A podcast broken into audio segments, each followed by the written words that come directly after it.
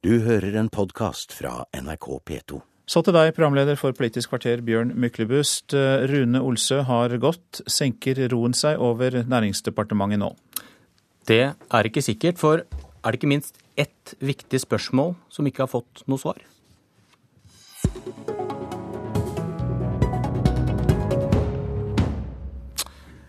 Eller er saken ute av verden nå? Leder i næringskomiteen Terje Lien Aasland fra Arbeiderpartiet. Jeg mener at uh, saken uh, nå er uh, ferdig håndtert. Og det er sånn at både Rune Olsø og styret nå har foretatt en vurdering av den situasjonen som har vært i forhold til, til heftelsene rundt skal vi si, administrerende direktør i form av det som har kommet ut i media. Og jeg syns det har vært rydda opp i saken nå på en god måte for selskapet. Sånn at nå er det viktig å få fokus på selskapets framtidsmuligheter. Svein Flåtten, næringspolitisk talsmann i Høyre. Har Olsø nå løst floken for regjeringen og næringsminister Trond Giske? Ja, det har han jo gjort, i samråd tydeligvis med, med styret. De siste dagers håndtering gjennom at uh, eieren satte inn uh, et uh, styre som helt tydelig hadde de fullmaktene som var nødvendige, og den kraften som var nødvendig, har, har gjort at dette har forplantet seg videre mot posisjonen til, til Olsø. Og han har da tatt konsekvensen av det, men ifølge media i samråd med styret. Så dette har vært, dette har vært noe som slett ikke var uventet. Det måtte komme. Men til min åpning, er det ikke minst ett viktig spørsmål som ikke har fått noe svar. En liten sort boks. Kjetil Fjæringen, som satt i Entra-styret, han var med på å ansette Olsø, som han kjente. Giske er venn av Olsjø. Er det viktig Flåtten, å få klarhet i hvem det var som foreslo Fjæringen som styremedlem? Ja, det er viktig å få klarhet i. Det har da også jeg sendt et spørsmål til, til næringsministeren om, for å få en klarhet i det. For vi det er for uklart hvordan utnevnelsen av styremedlemmer foregår i den type selskap som ikke har valgkomité. Der er det departementet eller statsråden, da rent praktisk, som avgjør det. Og det finnes liten dokumentasjon for hvordan den typen ting foregår. Det tror jeg vi bør ha. I hvert fall bør man svare på det i dette tilfellet. Så det er en sort boks. Er det fordi man ikke vet om det er venner som har ansatt venner? Det kan det f.eks. være, og man sier jo ofte at det er et lite land i Norge. Det er ikke så lite, og man bør absolutt kunne finne noen andre. Men akkurat i dette tilfellet så syns jeg det vil være ryddig om også det kom opp. Aasland, Giske han har nektet å fortelle hvem som foreslår Fjæringen som styremedlem i Entra. Hva syns du om det? Nei, altså Det er jo Giske som gjør. Det som jeg syns er viktig nå, det er jo at også Høyre bidrar til at Nei, men blir... svar, Nå snakker vi om Fjæringen, så hvis Nei. du svarer på det. Nei, men altså, Hvem som har oppnevnt uh, Fjæringen, det kan ikke jeg svare på. Det må eventuelt næringsministeren Men vil, vil du ha svaret? Jeg syns det for saken og sakens realiteter er mindre relevant. Jeg syns det nå er viktig å få fram at en ønsker å etablere ro rundt selskapet, og la selskapet og selskapets ansatte og ledelsen nå være med på å utvikle selskapet i en positiv retning. Det er det som er vår oppgave og vår viktige oppgave i denne sammenhengen. Men når det gjelder Arbeiderpartiet og anklagen om at her har venner ansatt venner eh, Hvis ikke det var Giske eller Olsø selv som foreslo, lanserte Fjæringen som styremedlem, da, da vil vel alle påstander om kameraderi falle dødt til jorda, bare dere opplyser om det? Vi er opptatt av å ikke bli hefta ved noe som kan oppfattes som kameraderi. Så det går jeg ut ifra at en får klarhet i på en god måte. Det som nå er viktig, det er jo selvfølgelig å få ro rundt selskapet, og det syns jeg ikke på noen som helst måte Høyre bidrar til. De ønsker politisk sett å holde denne saken varm. Nå har det vært fornuftige, kloke tilnærminger av styret og Rune Olsø i forhold til å løse selskapets utfordringer. Og det var å ha skal vi si, heftelser ved seg om, om, om lojalitet og, og, hvordan ting foregår i det selskapet. Nå er det rydda av veien, og jeg mener det er viktig å se framover nå. Ingen grunn til å kritisere Høyre i denne saken. her. Det er opposisjonen som gjennom flere har bidratt til at det har blitt kastet lys på disse tingene. Ellers så ville vi jo ikke i dag sittet med den situasjonen vi har. Men jeg er glad for at Terje Aasland sier at vi trenger å få klarhet i hva som har foregått. Det betyr faktisk at han her nå sier at statsråden bør svare på det spørsmålet jeg har sendt om hvordan denne utnevnelsen kom til. Jeg er opptatt av at den ikke blir hefta ved noe kameraderi. Men er du, er du enig i tolkningen her at du, at du vil at vi skal få vite hvem som initierte Kjetil Fjæringen som styremedlem? Det er generalforsamlingen som velger styret. Og det er styret som er kompetent til å ansette administrerende direktør. Det er spillereglene i næringslivet. Det er reglene i Men det er leddet, leddet før deg vi spør om, da. Jo, men- Hvem var det som brakte opp denne relativt, som jeg skjønner, da, ukjente Kjetil Fjæringens navn når det skulle nye styremedlemmer inn i Entra? Nei, altså det, det kan ikke jeg svare på. Det sitter ikke jeg Men med vil du, vil, du ha, så vil du ha det svaret, det er- er eller, eller tar du det formelle at, Nei, at uh, Giske er ansvarlig uansett, så det er ikke interessant å få vite det? Giske er jo som næringsminister ansvarlig for det eh, styret i et 100 eid eh, selskap. Og det å foreta spekulasjoner i eh, de forholdene her, det, det syns jeg blir noe merkelig. Nå er det rydda opp i forhold til selskapet. Selskapets styre nå har en oppgave igjen. Det er også å etablere tillit til den videre framtida for selskapet. Og det syns jeg utgangspunktet nå ligger godt til rette for. Jeg syns det er greit at vi får vite hva som har foregått, med tanke på at da skal det ikke foregå på den måten tidligere, eller at det har vært i orden. Det er en veldig enkel og grei sak å svare på. Jeg er overbevist om at departementet, dvs. Si statsråden, vet hvordan disse navnene, eller dette navnet, har kommet opp. Og jeg forstår at Aasland egentlig er enig i at vi også får ryddet det av veien. Så Men Har du noen måte å, å tvinge fram disse opplysningene på? Nei, overhodet ikke. Annet enn at det ville være fint hvis statsråden da svarte på en skikkelig måte på det skriftlige spørsmålet som jeg har sendt ham om det.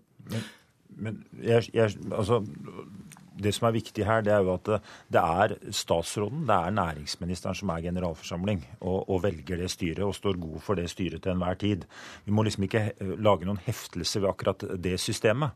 Men dere har fått, fått så mange anklager nå om Ja, er- nærmest korrupsjonslignende tilstander, og da, Ja. da må, dere vel eh, må dere være interessert i å rydde opp i det. Hvis ikke det var Giske eller Olsø som lanserte fjæringen, så vet er dere vel av kroken, er dere ikke det? Men jeg vil ta sterk avstand fra, fra betegnelser om korrupsjon. Altså Trond, er Giske som. Trond Giske som næringsminister inhabil, eh, meldte seg inhabil allerede i, i april, så ikke det skulle eh, komme noen Ja, heftelser Det gjelder Olsø, men her snakker vi om fjæringen. Det gjelder i forhold til Olsø, ja. Og han også har innsatt, eh, altså vært generalforsamling etterpå. Han har satt inn en styreleder som bl.a. var imot ansettelsen av, styre, av Olsø, etter det vi forstår ut av, av media. Så sånn sett så syns jeg ikke de anklagene er rettmessige. Vi er opptatt av å ha ryddige forhold rundt både utnevnelsen av styrene osv. Vi er avhengig av at det ikke eh, hefter tvil ved det, fordi at eh, styrenes kompetanse er svært avgjørende for selskapets troverdighet og selskapenes utvikling. Og vi vil selvfølgelig ha det som mål og som, som fokus. Bare tiden vil vise om vi får svar på mitt spørsmål. Takk for at dere kom.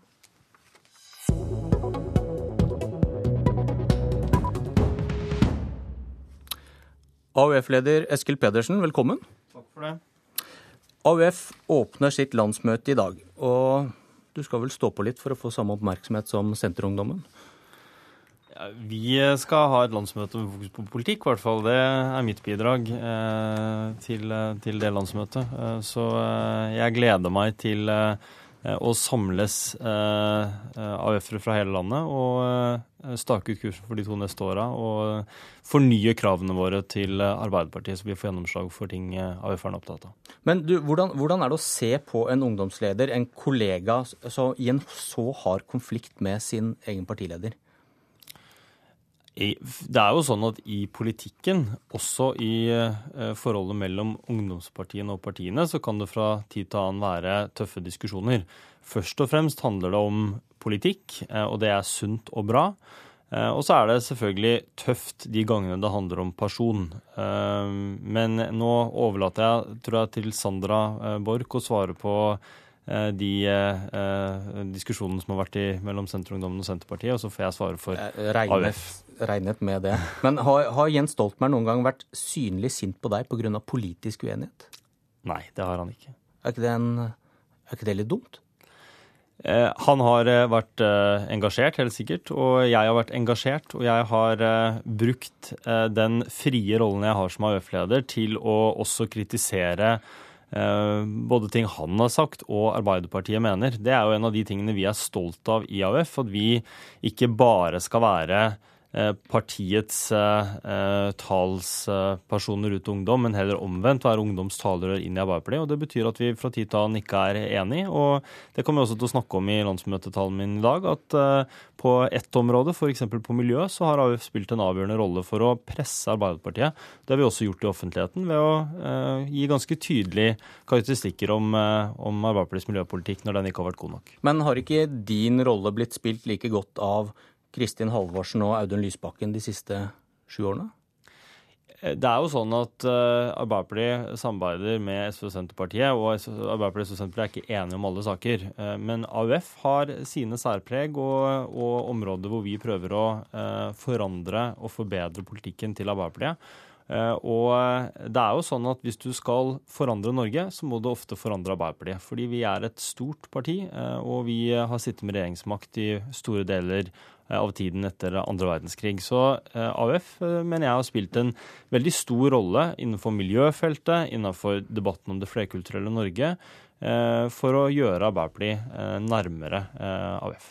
Men ser du det som en styrke at du kan spille på lag med SV i saker om, som miljø og asylpolitikk f.eks., eller så kan man si at AUF har vært mindre viktige fordi SV har spilt deres rolle i regjeringen og utformingen av politikk? Jeg, eh, SV spiller sin rolle, og så spiller AUF sin rolle. Og vi er eh, opptatt av eh, at Arbeiderpartiet skal gjøre et godt valg, og vi er opptatt av at vi skal få gjennomslag for de sakene som vi er mest opptatt av.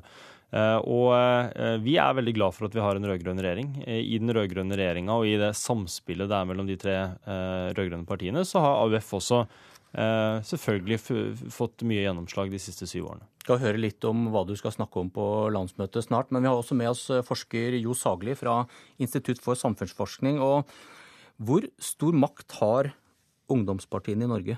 Går det an å si noe klart om det? Ja, Makt er jo ikke så lett å måle, men uh, det er jo ikke noen andre grupper innad de partiene som er organisert uh, på den samme måten og har en, en like sterk organisatorisk posisjon i partiene, eh, med representasjon i, eh, ja, i sentralstyret, på landsmøter, i, eh, i nominasjonskomiteene f.eks. Det har med partienes organisering å gjøre? Ja, hvis du sammenligner f.eks. med med de eldre innad i partiene, så, så, har jo ikke de den samme organiseringen. Og har, sjøl om, om de også Eh, står fram med sine saker, så, så, ikke, så, har de ikke den samme organisatoriske slagkraften innad i, i partiene.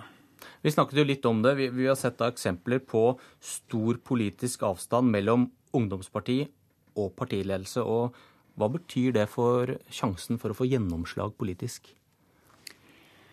Hvis det er eh, et spørsmål som eh, splitter mellom hovedpartiet på den ene sida og ungdomspartiet på den andre, så, så er jo ungdomspartiet i mindretall eh, og har vanskelig for å nå fram. Det som ble nevnt her i stad med miljøpolitikken i Arbeiderpartiet, kan jo være et eksempel på det. Men det er jo ikke alltid sakene splitter på den måten. Og ungdomspartiene kan jo være i en posisjon f.eks. På, på et landsmøte med, med, representanter eh, i de fleste fylkes, eller i alle fylkesdelegasjonene. Da kan de være i en posisjon til å bygge allianser og, eh, og nå fram med sitt uh, standpunkt. Til slutt, hvilket av ungdomspartiene har størst makt? Ja, I forhold til hovedpartiet så tror jeg det er ganske likt. Det er i hvert fall organisert på samme måte i alle de norske partiene. Så AUF er ikke ørnen blant uh, ungdomspartiene? Eh, den er jo større, en større organisasjon enn en, en mange av de andre ungdomspartiene, men så har de jo også et større og mer eh, slagkraftig hovedparti å bryne seg på. Eskil Pedersen, er du enig i det? At dere ikke har noe større makt over Arbeiderpartiet enn de andre ungdomspartiene har over sine respektive? Jeg tror alle ungdomspartiene vil ha det samme svaret, at de er de som har mest makt. Vi har mye innflytelse av Arbeiderpartiet. Jeg kommer til å bruke litt tid i talen min også på å vise til alle de konkrete eksemplene som vi har vunnet gjennomslag for.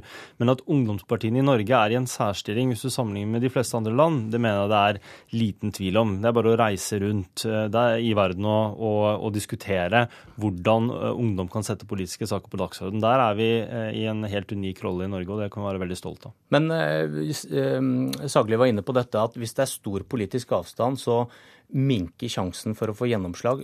Kjenner du på den noen ganger?